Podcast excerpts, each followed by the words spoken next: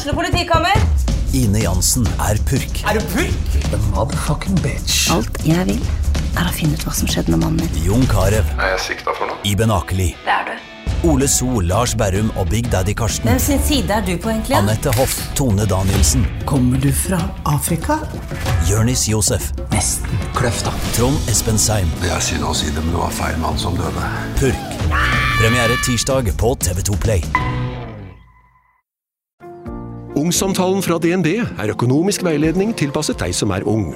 Bokk en ungsamtale på dnb.no. slash ung. Det er kjempebra hvis du skal inn på boligmarkedet, hvis det er drømmen din, liksom. Det er det du skulle sagt. Og så kunne du ropt litt mer, da, sånn som jeg gjorde. Bam! Åh.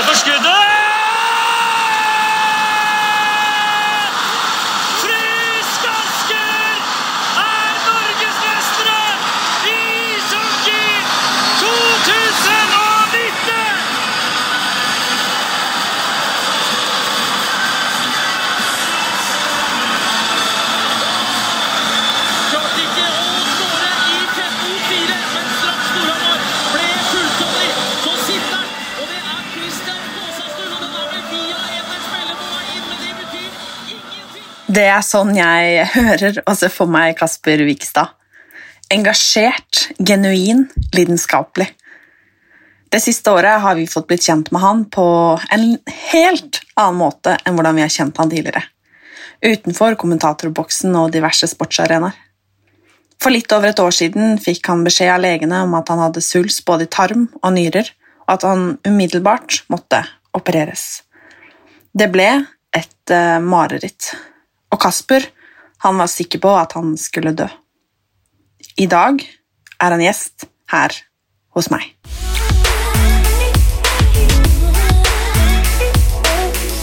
Hei og velkommen, Kasper. Hei. Hvordan har du det? Jeg har det ikke så verst. Absolutt. Eh, fotballen er i gang, snart er hockeyen i gang, og jeg jobber eh, 100% igjen, så livet er i ferd med å bli normalt. Det er folk på tribunene der jeg jobber, og ja, ting, nei, ting er ganske fint. Det er jo helt fantastisk. Ja. Det, er, eh, det med å være på tribunen igjen, det setter jeg pris på. Ja. Veldig hyggelig. Ikke, jeg har ikke vært på eh, hockeykamp i Hva blir det? Eh, jeg var på to kamper i fjorsesongen Mm. når vi bodde i Stockholm. Det var det jeg fikk lov til. Ja. Så nå er det jo egentlig Ja, det har vært lite hva heter det, tilskuere på tribunen det siste halvannet året. Ja, det har vært eh, skikkelig skikkelig kjedelig, faktisk. Så veldig, veldig deilig. Var i England, og der er det, der er det fullt hus. Deilig. Så ja, det er jo det, men litt skummelt òg. ja da, det er eh, Men eh, vi får håpe at det, håpe at det fortsetter, og at alt blir bra. Absolutt. Men eh, apropos bra, hvordan har, eh, hvordan har egentlig det siste året vært? Eh, siste året har vært eh, tungt, det er det ingen tvil om. Eh, så eh, Men eh, eh, Ja, tungt er jo egentlig måten å beskrive det på. Det er jo eh, fått litt eh, nye perspektiver på ting. Eh, men eh, og det er liksom ikke over eh, Det siste året er ikke liksom helt over ennå. Vente Venter litt på det aller siste, så man skal liksom bli helt i full vigør igjen. Ehm, Så når det er ferdig, så tenker jeg liksom at eh, da er eh, det siste året egentlig bare et, eh, et minne. Det gleder jeg meg til. Det skjønner jeg, for å si det sånn.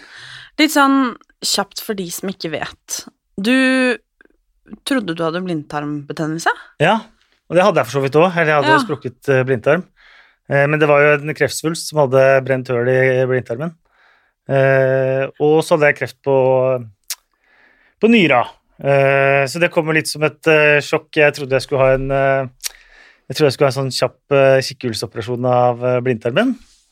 Eh, Så jeg lå jo på sykehuset og med liksom elektroder på meg og tok litt selfier hjem til kona. lå på senga og snuste der og så Jeg tror det var Champions League jeg så eh, på, på iPaden. Eh, og så kom kirurgen inn og sa at jeg finner litt andre ting.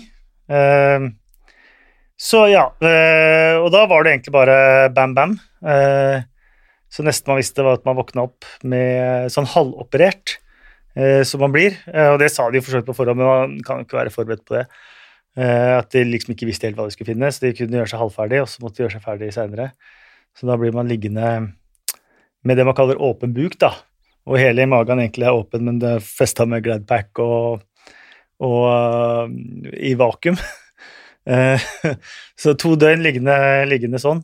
Eh, men det er jo bra at man ikke vet liksom, hva man skal gjøre. Jeg snakka med hun kirurgen etterpå om, om, akkurat det, for hun sa at mye av jobben min er helt standard, og sånt, men det å gi de beskjedene er jo det verste jobben min.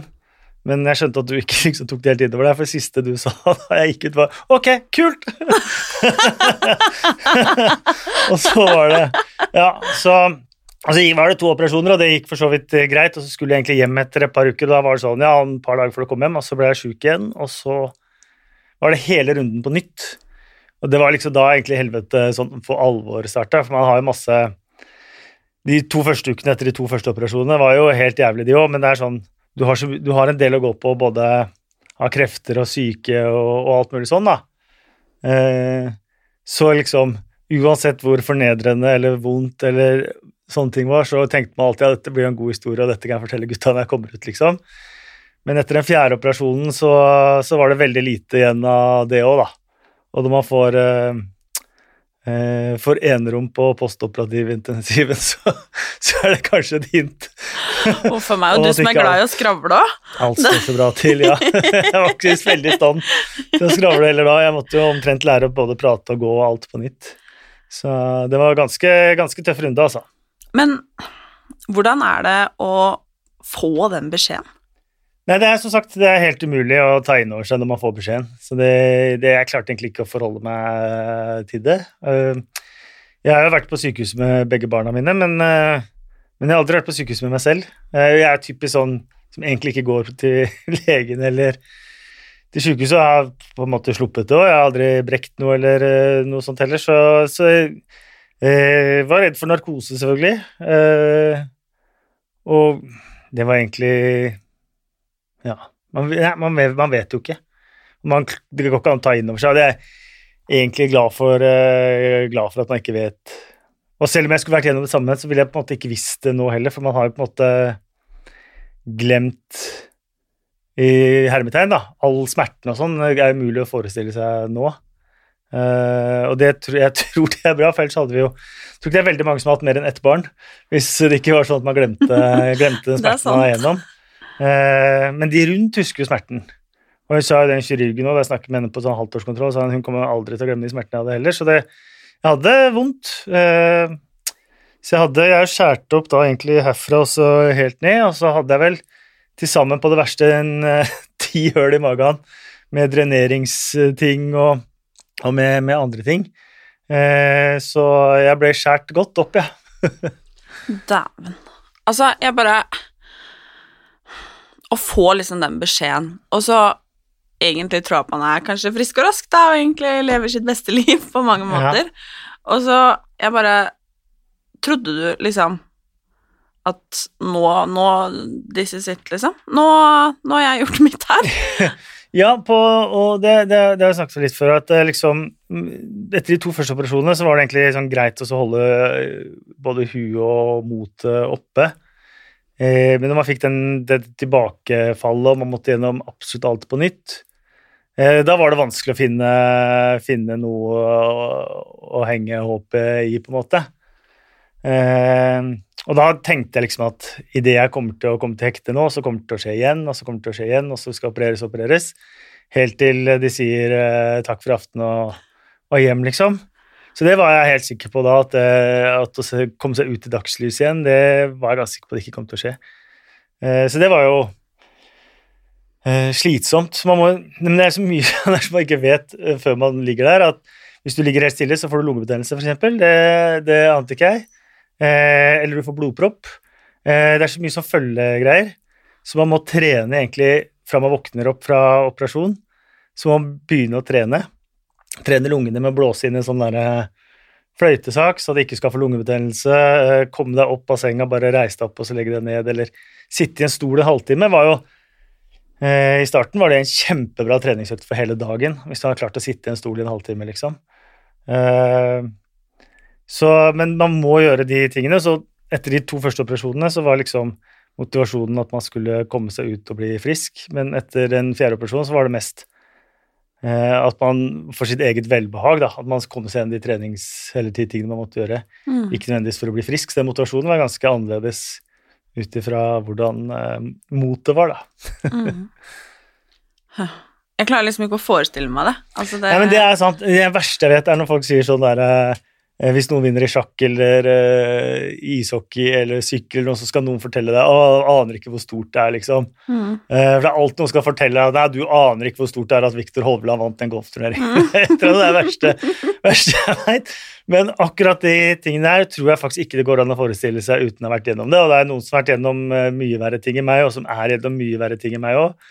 Men jeg tror ikke man er egentlig i stand til å forestille seg eh, hvor ille det er før man har vært gjennom det. Det tror jeg ikke, faktisk. Mm. Du sa jo det at eh, du måtte egentlig lære å både gå og snakke og disse helt eh, vanlige tingene som jeg i hvert fall tar for gitt hver dag. Ja. Eh, hvordan var det? For ting har jo gått så fort, liksom. Altså, det er jo litt over et år siden, og, og her sitter de jo både prater og går. ja. Nei, progresjonen er ganske, ganske stor. Eh, første dagene så er det bare å gå opp av senga og så legge seg i senga igjen. Da har du gjort økta, og så kanskje du klarer å gå på sånn prekestol fram til døra på rommet og tilbake til senga, og så lengre og lengre for hver, hver dag. Og det, norsk helsevesen er fantastisk, og som, ikke minst de som jobber i norsk helsevesen, er jo eh, fantastiske. Så man får jo hadde jo egen fysioterapeut, Øystein. Han kom jo to ganger om dagen for å dra meg opp av senga og trene med meg, og etter hvert gå opp i trapper og, og alle sånne ting på, på sykehuset. Så, eh, så, sånn, så sånn sett så er jo progresjonen veldig, eh, veldig rask, da. Og så er jeg godt, og det gjør jeg fortsatt, det går ekstremt mye turer eh, hver dag.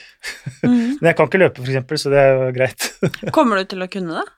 Ja, ja, ja. Det er bare Ja. den siste operasjonen. Jeg har brokk og sånn. Ja. Eh, for magen er så, det er ikke så mye igjen av den mageveggen som skal holde ting på plass på magen. Så det er blant annet det jeg skal gjøre på den siste operasjonen. Da, bare få operert det. Så jeg bare liksom holder magen inn så den ikke detter. Ok! så det er ikke så mye sixpack ute og går nå lenger? Veldig lite sixpack. Kommer aldri til å bli heller. Nei, men da får man kanskje litt perspektiv på ting, da, at det fins viktigere ting enn det. Det gjør det faktisk. Men hvordan har det liksom Det å skulle være pappa og bli så så sjuk? Ja, eh, det må jeg si. Ungene mine har takla det eh, ekstremt bra, eh, rett og slett. Så det har vært eh, Men det er jo eh, Det er jo ikke Det er jo kona mi sin som har Som liksom har måttet ta begge rollene på et vis, da. Eh, så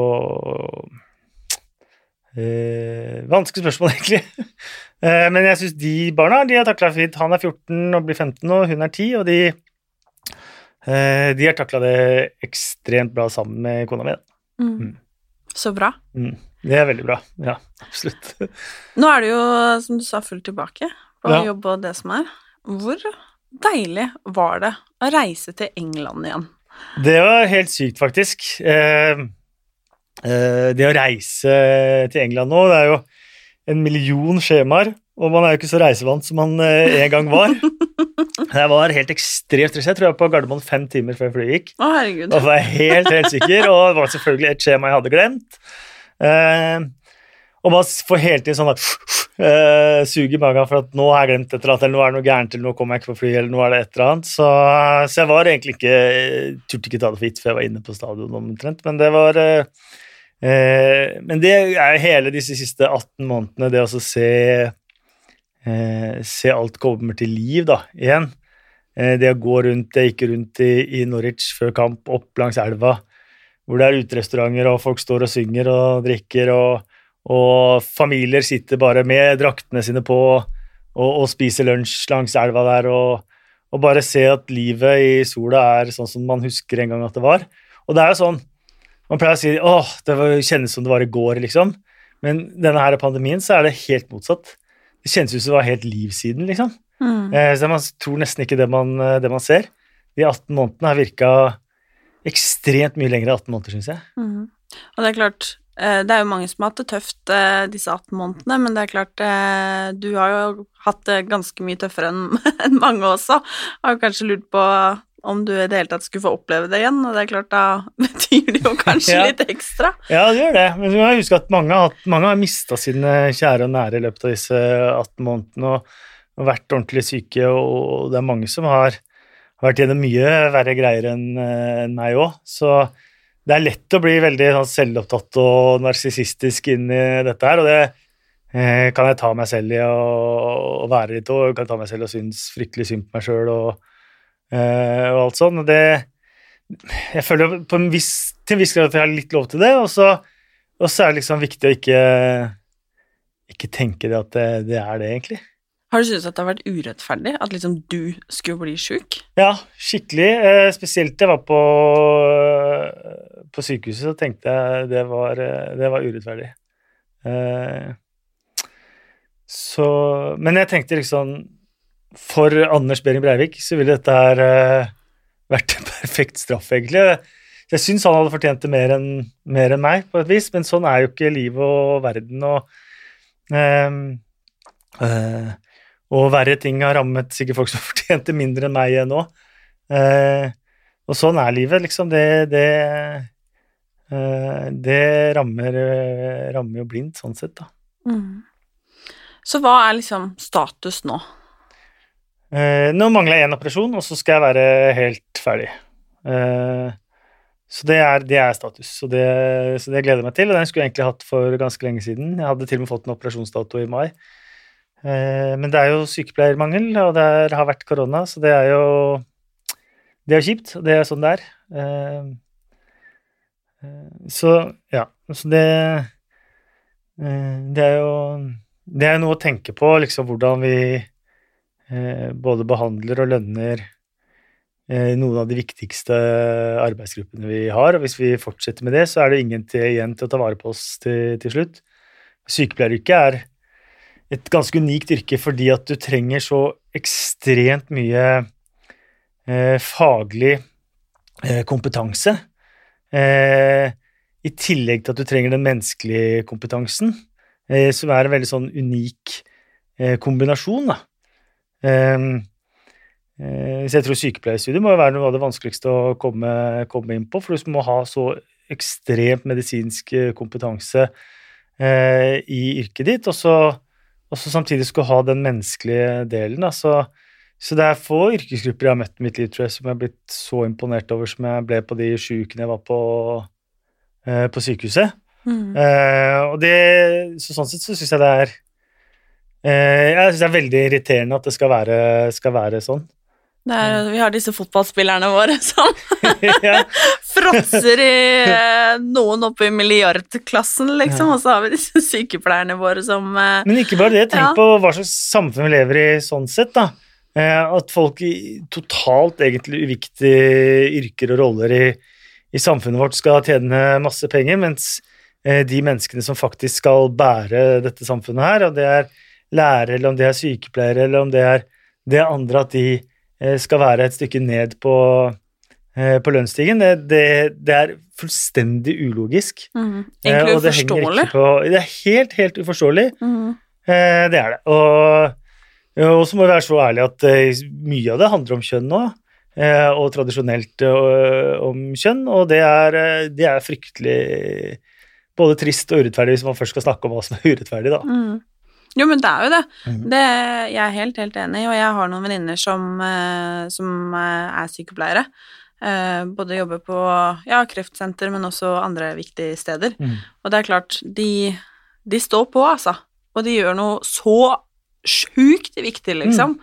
Ehm, og det er klart Jeg sliter med å forstå at de ikke får som de fortjener, ikke sant? Nei, det er jo akkurat det. det jo, og det er eh, det, det er fryktelig synd, og hvis vi fortsetter med sånn, så er det kanskje ikke noe sykepleiere eller lærere igjen, da. Eh, Vi trenger at det skal være attraktivt, for å si det vi sånn. trenger det veldig.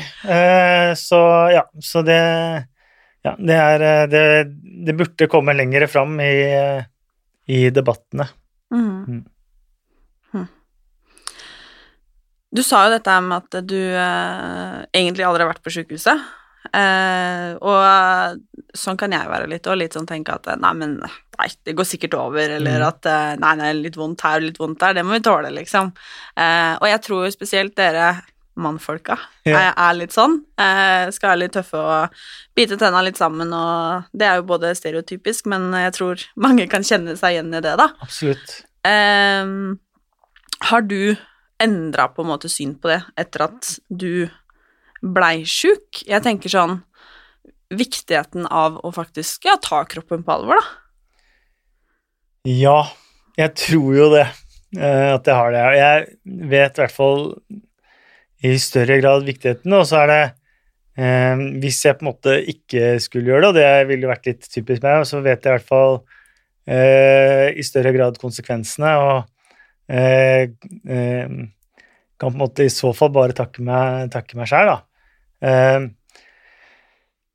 men det er jo det er, det er ekstremt viktig eh, å ta, det, ta ting tidlig. Det, det jeg hadde, det tror jeg dreper nærmere ti stykker i Norge hver dag. Eh, og det er jo fordi at man ikke har noen følelser. Man kan ikke kjenne smerte i tarmen. Nei. Sånn at eh, det vil ta en ganske lang tid før man føler ubehag, da. Og i hvert fall ubehag nok til at man, eh, man sjekker seg. Mm. Eh, så sånn sett så var det litt heldig at eh, blindtarmen på en måte sladra, da. Eh, på hva som skjedde i magen. Så ble det såpass brutalt at eh, at jeg nok kunne kommet unna med det på en bedre måte. Kanskje opererte de for mye på en gang, f.eks. Jeg hørte at i den ene operasjonen så var de det var, var, var 15-16 timer med to forskjellige team som var inne og opererte inn i magen, liksom. Såpass. Eh, så eh, Så jeg er litt sånn her Jeg er irritert over at det, det gikk som det gikk på ett sett. Eh, men så er jeg veldig glad for at eh, man tok det med en gang. Eh, sånn at det ikke ble noe spredning og, sånt noe i det hele tatt. Så var det rart For jeg sjekka meg faktisk bare noen måneder før det Mm. som prostatatyp. Eh, for det er jo liksom eh, er veldig vanlig for menn, og den, i hvert fall når du er over 40, så skal du ta en prostatasjekk, og det tror jeg hvis du har noen menn over 40 som hører på, det vet jeg ikke hvor mange er. Ja, det er noen av Der, de. ja, ja, så bra. Eh, så må, det må sjekkes, liksom. Eh, men det sjekka jeg bare med blodprøve, tror jeg, Ja. og der fant de ingenting. Nei. Eh, Så det, det var veldig Jeg har ikke helt klarhet i det, men det, det var, akkurat det var veldig rart. At det ikke, det ikke skulle avsløre noe som helst om ting kom, kom fort. Men jeg har jo nå en sånn Nei, jeg har jo Jeg må jo Jeg har et litt sånn syndromslags da, som gjør at ting kan komme igjen. Så jeg må sjekke meg minst en gang i året Ja. resten av livet. Er du redd for at det skal komme tilbake? Jeg vil si utgangspunktet ikke, men så blir det å tøffe seg litt når jeg sier det. Eh, For litt er det. Men igjen så er det jo bare å sette sin lit til helsevesenet. Når man sjekkes så ofte, eh, så er det veldig lett å, å ta det. Mm. Egentlig skal være det. Mm. Så ja. Det er ganske rart det der med at eh, jeg ville jo kanskje kalt deg gammal, liksom, og du ville kanskje kalt deg sjæl gammal òg, Det liksom. er jo det. Ja, men ja, det er det som er litt interessant, at jeg er gammal, liksom. Og så, når man blir så om vi skal kalle det daudsjuk, Ja. da er man plutselig ikke så gammel lenger. Nei, på den avdelingen jeg var, var jeg veldig ung. Ja. Jo, men det er sånn, Hvis man står liksom den ene foten i grava, og man faktisk er så ung som det du da er, så er man jo plutselig ikke, ikke så gammel lenger. Nei, jeg fikk jo en gammalmannstype variant, da. Ja. Eh, Så jeg var på avdelingen jeg var, så er jeg absolutt blant de, blant de yngre. Eh, Så bortsett fra et par sånne blindtarmvarianter som eh, kom inn, da. Så på, tomanns, eh, på tomannsrommet mitt. Men de var jo inn på morgenen og Ut igjen. Syns synd på deg sjøl, og enten ut på kvelden eller ut dagen etter. Skulle bare visst. Ja. Sitte der i seks uker og bare Faen meg, ja, nei. Velkommen hit på rommet, jeg har vært her i tre år. Å, herregud. Ja, nei. Det er det Skrekkopplevelse for de. ting i perspektiv, er det det vi, vi sier? Herregud. Men uh, vi Jeg husker jo veldig godt når eh, Jeg vet ikke om det var VG eller om det var Dagbladet eller NRK, jeg vet ikke søren hvor jeg så det, at eh, du hadde fått kreft, liksom. Mm. Og jeg tror alle som på en måte så det, fikk en sånn Jeg tror veldig mange, i hvert fall sportsinteresserte, har et Mm. forhold til deg. Ja. Eh, og fikk en sånn derre Jeg kjente i hvert fall det selv. Mm. Ja. Det ble sendt en melding til Christian og sa 'herregud, har du sett det her?' Ja. og du, for veldig mange så er du jo han derre, hva skal man kalle det, da? Eh, folkekjære sportskommentatoren, sportsidioten, hva skal vi kalle det? Jeg tror mer sportsidiot enn mye annet. Ja. og, og nå har det jo på en måte eh, det siste året vært liksom ikke bare sports-Kasper, men kreft-Kasper Ja, også. Det er jo trist nok, da. Ja, jo, men eh, hva Syns du det er slitsomt å på en måte ha blitt Og skulle på en måte stå i sykdommen på den måten?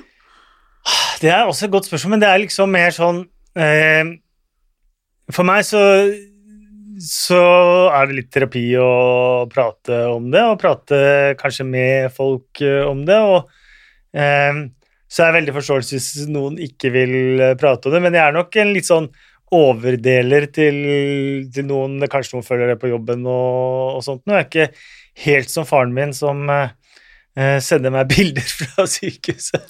Så bilder viser jeg ikke fram. Eh, der er sosial kompetanse nok til å ikke gjøre det. Men, eh, eh, men eh, for meg så har det, så har det vært greit å prate om, og, og, og folk har vært eh, utrolig gode med meg å prate om det også. Eh, og så de som ikke prater om det, så prøver jeg å la være. Eh, men jeg har jo ikke lyst til at det er det som skal verken definere meg, eller det jeg skal eh, være kjent for, eller det folk skal forbinde med meg, da.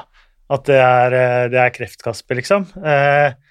Og det Det tror jeg ikke det kommer til å være heller, og det håper jeg ikke, men men det var veldig Jeg husker også veldig godt den dagen det sto i avisene, og det var veldig sånn overveldende med, med alle meldingene. Eh, Det var det. Eh, For det var veldig mye, og eh, det var veldig fine meldinger, og det var det er jo, Og så setter man jo veldig veldig pris på meldinger som kommer fra de miljøene man, eh, man jobber med. da. Om det har vært snowboard og friski, eller om det har vært fotball, eller om det har vært ishockey, eller om det har vært hopp.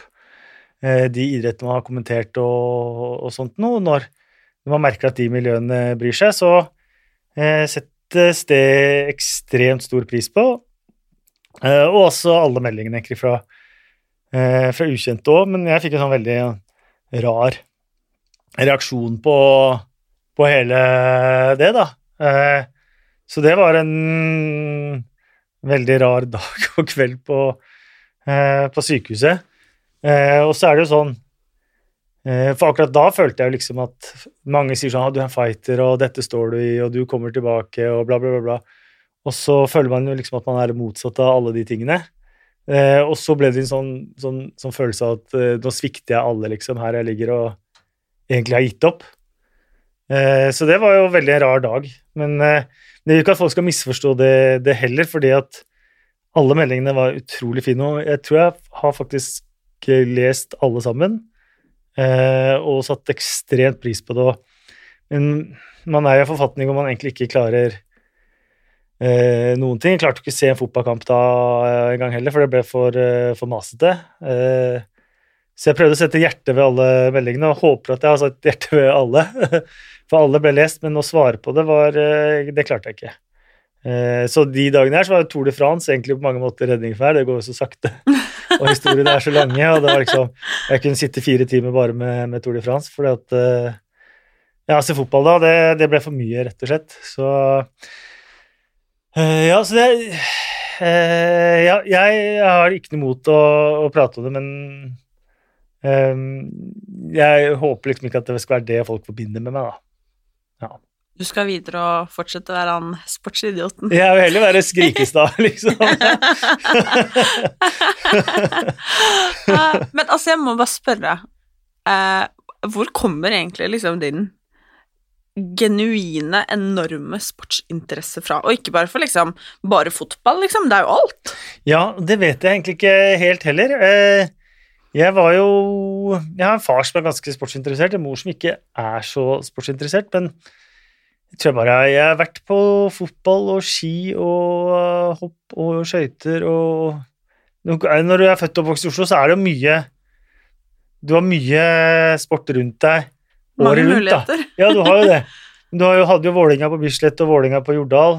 Eh, Du hadde hele Holmenkollsøndagen med ski der. Du hadde jo VM på skøyter på Valle Hovin. Det må ha vært i 87 eller et eller annet sånt. Du hadde du har, du har muligheten eh, også da, da, før internett og før alt tok av, liksom, så hadde du muligheten til å, å, å se veldig mye idrett live, da. Mm. Eh, og så kompiser og sånt noe, så eh, Ja, så kanskje det har noe med at jeg ikke var så god i idrett sjøl. Eh, For du har aldri holdt på med idrett? jo, jeg holdt på, men Ja. jeg har aldri, jeg har aldri vært i nærheten av noe kretslag, verken jeg gikk på langrenn og spilte fotball. Jeg har aldri vært i nærheten av noen topper, eh, topper der. Eh, Så kanskje det også er en av, en av grunnene. Og så er jo journalistikk også alltid interessert meg. Jeg hadde fotballblad da jeg var liten. Jeg reiste mye, tok T-banen min ned til Akersgata for å se Dro på besøk til Dagbladet, VG og Arbeiderbladet, husker jeg, for å bare se på sportsjournalistene jobbe. Så jeg satt der og med pulten dem så bare var han annoying lille gutten og bare så på at de jobba. Såpass, ja. Det er gøy, da. Så ja, så det tror jeg bare Det har bare blitt sånn, rett og slett. Mm. Ja. Og du har blitt en av de nå. Ja, Ja. det var jo drømmen, da. Ja, Ja, det er kult, da. ja veldig. Det er råkult. Herregud. Nei, men uh, det her var veldig fint, uh, fint Kasper. Ja, men veldig hyggelig. Det um, Jeg pleier å liksom av og til å liksom avslutte med om du har noe råd, men så er det liksom sånn Hva skal man si til deg, ja? Bare bit tenna sammen og Nei, nei, men det er jo ikke det. For det er jo, det er, det er jo veldig enkelt, det, da. Det er jo å sjekke seg og sånt og hvis det, eh, hvis det er det. Og så er det jo det å eh, eh, Det man, man klarer, eller eh, man gjør Det er, det er, det er vanskelig, men det, det blir eh, Ting blir stort sett bedre, da, får man tro. Mm. Det gjør jo det. Så det er jo eh, Det er jo Det er bra. Så Jeg vil ikke si alt som liksom ikke dreper deg, gjør deg sterkere, for det, det er jeg ikke så sikker på om stemmer i det hele tatt. Men alt er nå en livserfaring, da, og alt er med på å gi en perspektiver i livet.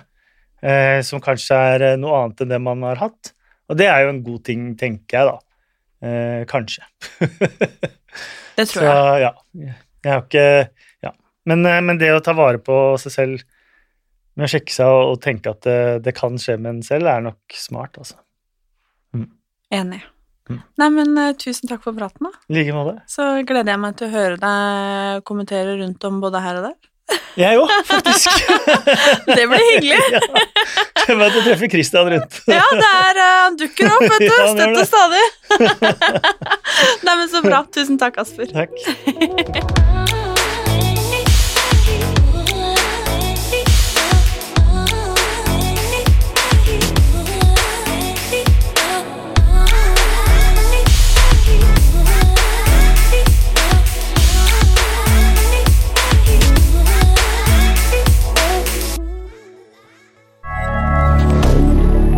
Moderne media.